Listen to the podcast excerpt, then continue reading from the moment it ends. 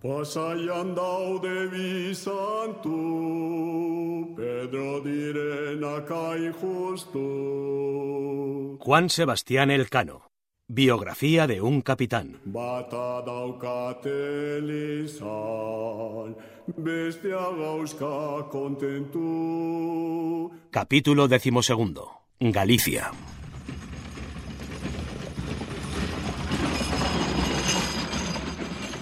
Cada día llegaban al puerto de A Coruña docenas de carros con piedra de mampostería que un centenar de hombres pagados por el concejo utilizaban para acondicionar muelles y baluartes. Era parte del precio que la ciudad tenía que pagar a la corona por el privilegio de acoger el negocio de las especias.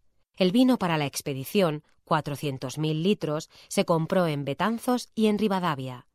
De agua se cargó la mitad que de vino. El trigo abundaba en el reino de Galicia molido y labrado por las mujeres, estaba ya listo. Incluso algunos pedazos le habían sido enviados al emperador.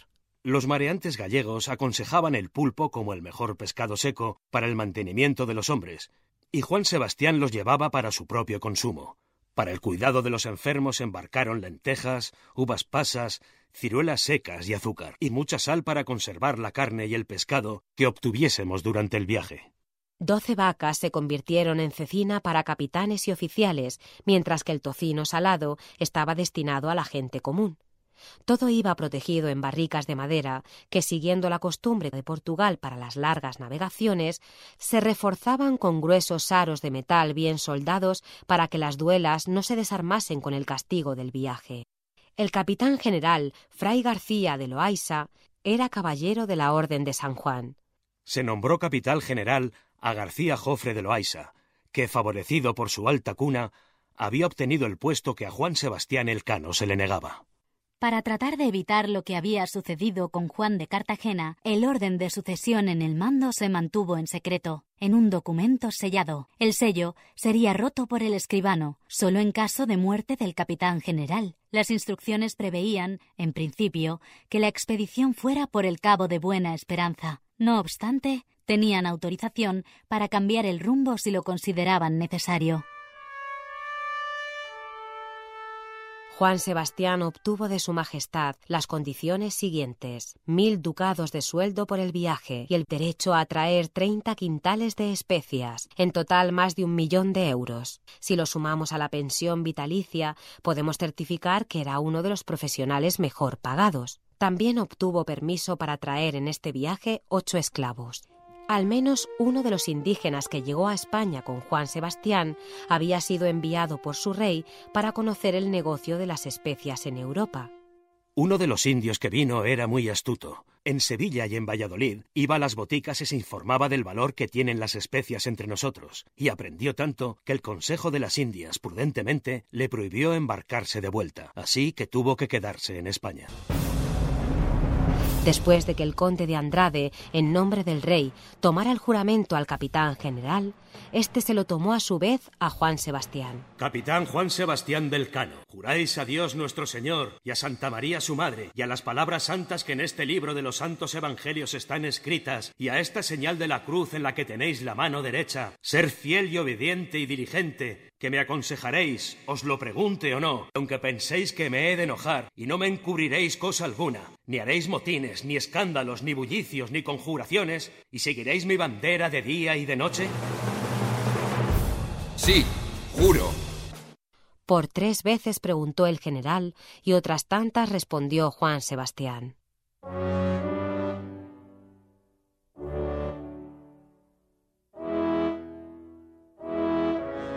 El objetivo de la Armada no era solo comprar especias.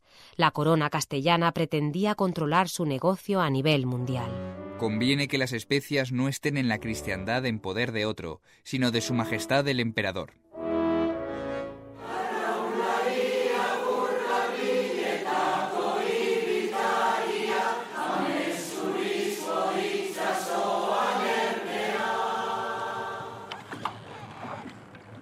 La partida de A Coruña tuvo que ser un acontecimiento, porque las especias concitaban la esperanza de un futuro mejor para todos los que vivían en la ciudad, incluso para toda Galicia.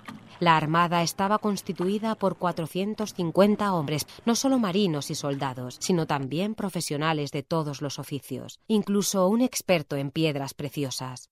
Martín de Uriarte, tripulante de la expedición, escribió En el nombre de Dios y de Nuestra Señora la Virgen María, la víspera del Señor Santiago, antes del día, partimos de La Coruña hacia el Cabo de Finisterre.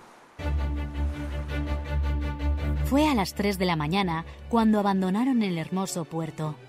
Se mezclaban en el aire trompetas y tambores de la Armada con los cantos que llegaban desde la ciudad anunciando la festividad del apóstol.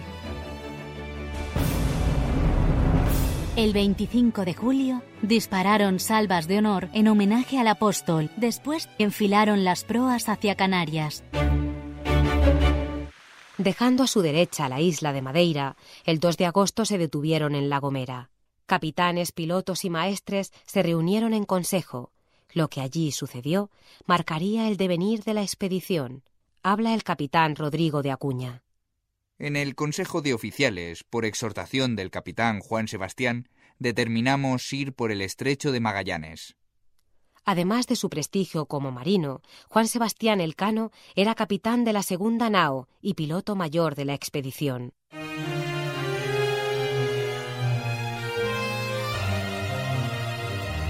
Tras ser el primero en circunnavegar la Tierra, ansiaba otras metas. Andrés de Urdaneta. Lunes, víspera de Nuestra Señora de Agosto. Partimos de La Gomera. Al tiempo que nos hicimos a la vela, faltaron algunos soldados que quedaron en tierra. Comenzamos a hacer nuestro camino al sur para ir por el estrecho de Magallanes.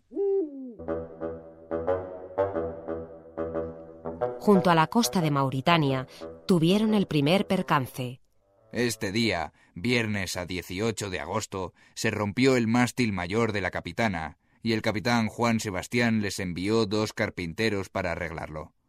Al día siguiente, por la mañana, por un aguacero, embistió la Santa María del Parral a la nao capitana y le rompió toda la popa.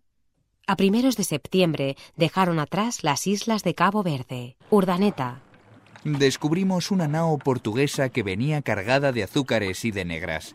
El capitán general les hizo mucha honra a los portugueses y les mandó cartas para España decidieron hacer aguada en la deshabitada isla de San Mateo, cerca de la línea del Ecuador. Antes de llegar a esta isla, se había producido un motín en la Sancti Spiritus, lo asegura Andrés de Urdaneta.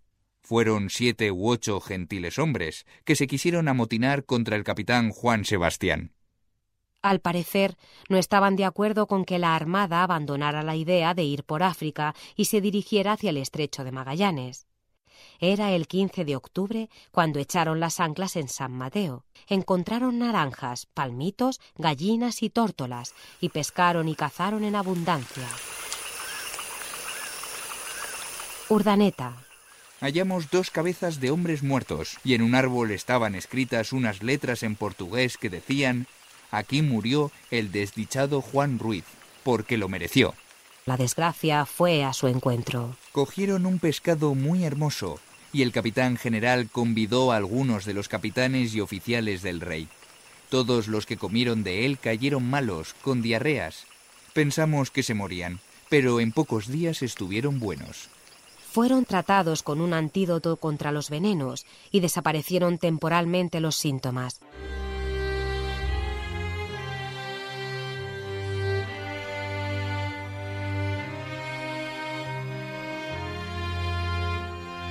Primeros de noviembre, por mala mar, precipitadamente abandonaron la isla de San Mateo, lo que libró del castigo a los que se habían amotinado contra Juan Sebastián. El día de Navidad, por el mal tiempo, las demás naos perdieron de vista a la capitana. Las instrucciones obligaban a seguir el viaje. Juan Sebastián, sin embargo, no quiso abandonarles a su suerte. Se demoraron por espacio de tres días dando bordos a un lado y a otro. La nao Victoria no apareció. Finalmente continuaron su camino hacia el estrecho. Cada día veíamos una pesquería, la más hermosa de ver que jamás se vio.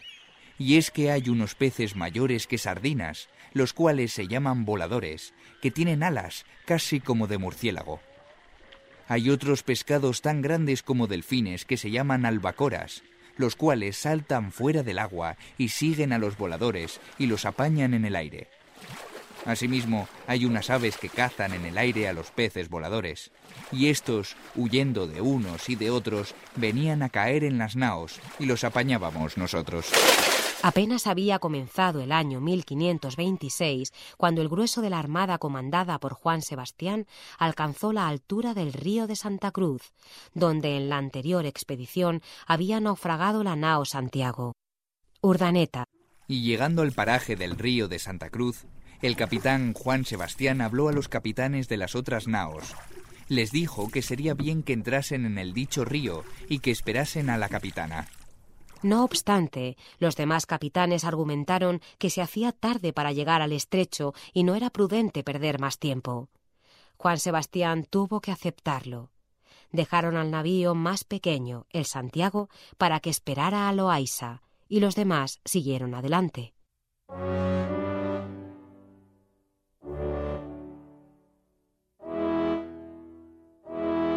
El domingo 14 de enero confundieron la entrada del estrecho y encallaron en un río unos 30 kilómetros antes de llegar a la verdadera entrada señalada por el Cabo de las Vírgenes. Fue un grave error de Juan Sebastián. Las naos tocaron fondo. Urdaneta. En verdad, fue muy gran ceguera de los que primero habían estado en el estrecho, sobre todo de Juan Sebastián del Cano, que entendía cualquiera cosa de la navegación.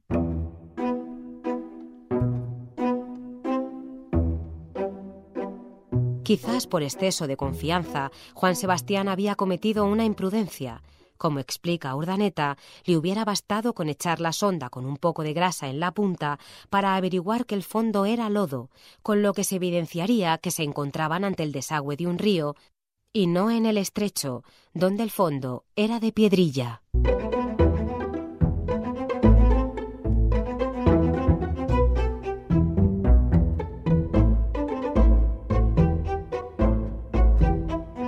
Desembarcaron algunos hombres para certificar si era o no el estrecho. Se demoraron tanto en su reconocimiento que, habiendo subido la marea, Juan Sebastián tomó la decisión de proteger las naos haciéndose a la mar. Por fin, al atardecer, surgieron al otro lado del Cabo de las Vírgenes.